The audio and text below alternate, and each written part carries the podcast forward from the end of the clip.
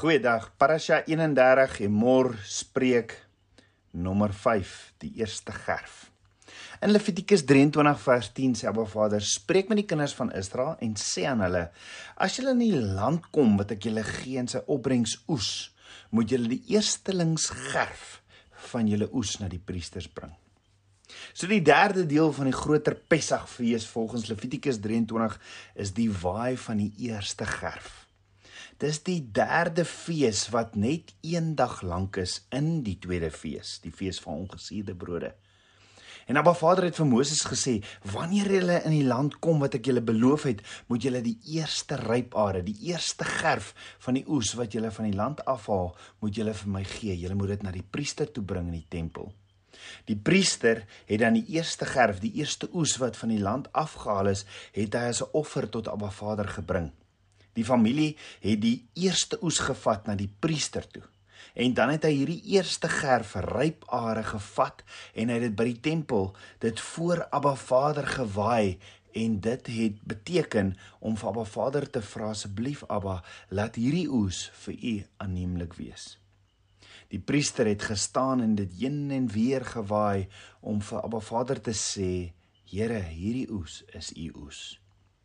Dit het die volk daaraan herinner dat Abba Vader hierdie beloofde land vir hulle gegee het en dat hierdie oes eintlik alles aan Abba Vader beho be behoort en dat hulle bloot net die rentmeesters was van hierdie grond en van hierdie land, hierdie beloofde land en dat Abba Vader hierdie oes moes aanneem voordat hulle enige iets anders daarmee kon doen. So die eers die fees van die eerstlingsgerf in Hebreëus word ook genoem Yom HaBikurim Onthou, Abba Vader het uitdruklik vir die kinders van Israel gesê om die fees te hou as hulle in die beloofde land kom. Met ander woorde, die kinders van Israel se se eindbestemming was nie die woestyn nie, maar wel die beloofde land, Kanaan. Hulle moes egter vir 40 jaar eers in die woestyn ehm um, deurbring of in die wildernis deurbring omdat Abba Vader 'n doel daarmee gehad het.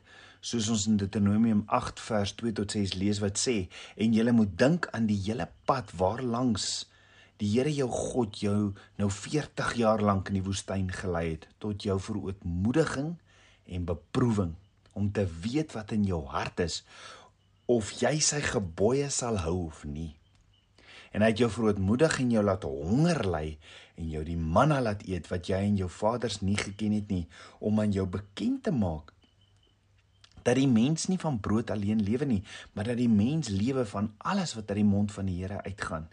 Jou klere het aan jou nie versluit en jou voet het nou 40 jaar lank nie geswel nie. Erk erken dan in jou hart dat die Here jou God jou onderrig soos 'n man sy seun onderrig en hou die gebooie van die Here jou God om in sy weë te wandel en om hom om, om hom te vrees. So die kinders van Israel se se tyd in die woestyn, hierdie wildernis tog, was 'n leerskool in vertroue, gehoorsaamheid en afhanklikheid aan Abba Vader. Dit was 'n tydperk waar hulle geleer het wat dit beteken en behels om afgesonder van Abba Vader te wees, heilig vir Abba Vader te wees. Dieselfde is op ons van toepassing. Ons word bevry van die slawejuk van sonde deur vertroue in die kosbare bloed van die lam van God.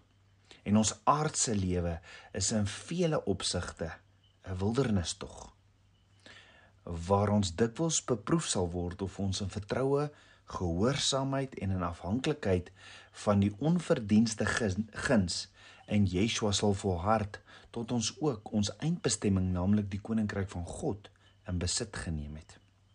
Die kinders van Israel moes die eerste van die eerste jaarlikse oes aan Abba Vader offer. Hierdie hierdie is ook 'n sinnebeeld van ons eie eerste van die oes, dit waarmee ons geseën is wat ons uit dankbaarheid as 'n waai offer na Ba Vader bring, maar ook as gebede en in vertroue dat hy dit wat oorbly sal seën en vermenigvuldig. Dit herinner ons aan Paulus se woorde in 2 Korintiërs 9 vers 6 tot 8 wat sê maar dink daaraan. Wie spaarsaamlik saai sal ook spaarsaamlik maai. En wie volop saai sal ook volop maai Laat elkeen gee soos hy hom in sy hart voorneem, nie met bedroefdheid of uit dwang nie, maar God met 'n blymoedige gewer, want God het 'n blymoedige gewer lief. En God het mag om alle genade oorvloedig oor julle te laat wees, sodat julle altyd in alle opsigte volop kan hê en oorvloedig kan wees tot elke goeie werk. En dit is ook herinnering aan Yeshua se woorde in Lukas 6 vers 38 wat sê: "Gee en aan julle sal gegee word. 'n Goeie maat wat ingedruk en geskit en oorlopend is, sal hulle in jul skoot gee, want met dieselfde maat waarmee julle meet, sal weer vir julle gemeet word. So ek herhaal weer die kinders van Israel moes die eerste van die eers, eerste jaarlikse oes aan Abba Vader offer. Dit beteken om eerstens aan Abba Vader te gee en dan is die res vir jou gebruik. Met ander woorde, gee eerstens aan Abba Vader wat hom toekom. Daarom het Salomo ook in Spreuke 3 vers 9 tot 10 gesê: Vereer die Here uit jou goed en uit die eersteling van al jou inkomste, dan sal jou skure vol word van oorvloed en jou parskype oorloop van mos.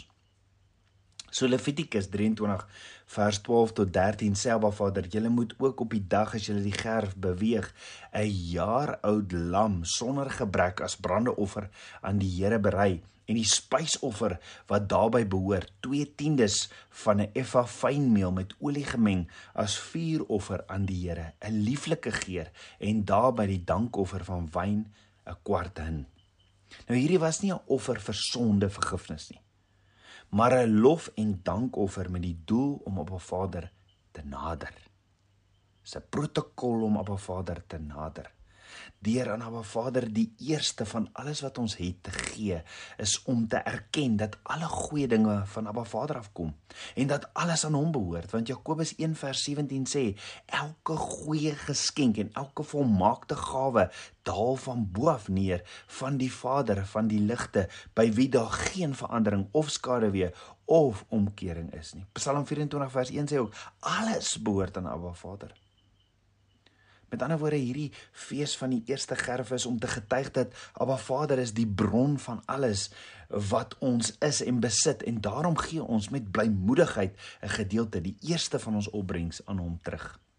Dis ook om Abba Vader te vertrou dat hy in al die res van ons behoeftes ook sal voorsien vir die volgende jaar soos hy met die eerste oes voorsien het, so sal hy ook in die res van ons behoeftes voorsien. Paulus sê, sê vir ons in Filippense 4 vers 19, en met God sal elke behoefte van julle vervul na sy rykdom in heerlikheid deur Christus Jesus.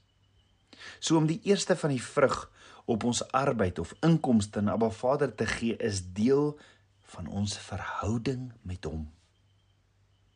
Dis waaroor hierdie feeste gaan, gaan alles oor ons verhouding met hom. Om te gee moet nie net 'n godsdienstige ritueel wees nie, maar moet gepaard gaan met ware liefde en vertroue na Abba Vader. So vir 1500 jaar vier hulle hierdie fees. En dis alles 'n rigtingwyser na Yeshua. 1500 jaar later toe kom Yeshua, toe kom vervul hy hierdie fees presies op dieselfde dag. Met ander woorde, hierdie was 'n visuele beeld wat Abba Vader vir sy volk gegee het om te sê leer my ken. Kyk hoe is ek? Kyk wie ek is en leer wat gaan gebeur wanneer my seun, my eerste Yeshua kom wat die Messias is. Presies op die Sondag toe Maria na die graf toe gegaan het en die engele vir haar gesê het: "Wie soek u?" Die oggend toe Yeshua die dode uit opgestaan het en die graf leeg was, is die priesters besig by die tempel om hierdie oes te waai, om hierdie eerste gerf te waai voor Abba Vader. Net so terwyl hulle hierdie eerste oes, die eerste are, die eerste gerf voor op haar Vader gewaai het, word Yeshua die eerste een wat uit die dood uit opstaan en hy's die eerste een wat eenkant gesit is sodat hierdie familie van Abba Vader afgesonder kan word vir hom. Ja, 1 Korintiërs 15 vers 20 tot 23 sê, "Maar nou Christus is opgewek uit die dode. Hy het die eersteling geword van die wat ontsnap het, want aangesien die dood deur 'n mens is, is die opstanding van die dode ook deur 'n mens. Want soos hulle almal in Adam sterwe, so sal hulle ook almal in Christus lewend gemaak word, maar elkeen in sy eie orde as eersteling Christus, daarna die wat aan Christus behoort by sy koms. So Yeshua was die eerste gerf wat uitgekies is om hierdie dood te oorwin en om hierdie oes aan te kondig hierdie ewige lewe aan te kondig en te sê elkeen wat aan hom glo sal deel word van hierdie oes hierdie familie van Abba Vader wat vir ewig saam met Abba Vader sal lewe. Yeshua was die eerste een wat uit die dode uit opgestaan het en wat nooit weer sal sterf nie. En dit is asof Yeshua uit die dood uit opstaan en na Papa God toe gegaan het en gesê het Abba ek bied myself aan as die eerste ger van hierdie groot oes En wanneer u my aanneem, sal ek hierdie hele oes saam met my bring, want dan sal die hele oes vir u aanneemlik wees. Presies dieselfde tyd wat Yeshua by Abba Vader is wat hy sê ek is die eerste een wat die dood oorwin het sodat daar lewe kan kom vir elkeen wat ja sê vir my. Dieselfde tyd is die kinders van Israel na 1500 jaar steeds besig om hierdie gerf te waai om te sê Vader is hierdie oes aanneemlik vir u. So kom ons kyk prakties. Wanneer die oes op 'n land reg is, dan gaan 'n boer altyd na sy eerste vrugte toe. En dan inspekteer hy die eerste vrugte en wanneer hierdie eerste vrugte vir hom aanvaarbaar is, dan is die hele oes vir hom aanvaarbaar. Efesiërs 1:5 sê deurdat hy Yeshua ons voorbeskik het om ons as sy kinders vir homself aan te neem deur Yeshua Amasieg na die welbehaal van sy wil. Maar Vader het Yeshua aanvaar as die eerste oes, as die eerste are wat gepluk is van hierdie groot oes wat volg. Daarom is ek en jy ook vir Abba Vader aanvaarbaar. Dit maak ons dis deel van hierdie oes en dit maak ons aanvaarbaar by Abba Vader sodat Yeshua ons kom sodat Yeshua ons kom haal en net soos Yeshua uit die dood uit opgestaan het, sal ek en jy uit die dood uit opstaan wanneer Yeshua sy bruid kom haal. 1 Tessalonisense 4 vers 13 tot 17 sê: "Maar broeders, ek wil nie hê dat julle onkundig moet wees met betrekking tot die ontslappes nie, sodat julle nie treur soos die ander wat geen hoop het nie." Want as ons glo dat Yeshua gesterf het en opgestaan het, dan sal God ook die wat in Yeshua ontslaap het, saam met hom bring. Want dit sê ons vir julle deur die woord van die Here dat ons wat in die lewe oorbly tot by die wederkoms van die Here die ontslapenis hoegenaamd nie sal voorwees nie want die Here self sal vir die hemele neerdal met 'n geroep met die stem van 'n aartsengel en met geklank van die bassein van God. En die wat in Christus gesterf het sal eerste opstaan. Daarna sal ons wat in die lewe oorbly saam met hulle in wolke weggevoer word die Here ontmoet in die lig en so sal ons altyd by die Here wees. So toe Yeshua opgestaan het uit die dode het hy in 'n verheerlike liggaam opgestaan opgestaan. En dieselfde liggaam wat hy gehad het sal ek en jy hê wanneer ons opstaan uit die dode uit.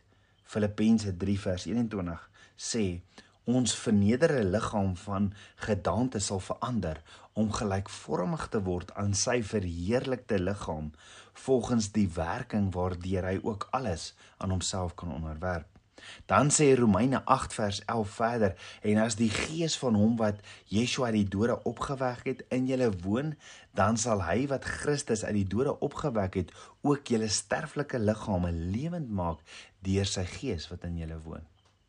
Met ander woorde, almal wat ja sê vir Yeshua as hul verlosser en hom volg in verbond is deel van hierdie oes, hierdie ryp are waarvan Yeshua die eerste een is wat getoets is en hy die hele oes vir Abba Vader aanvaarbaar gemaak.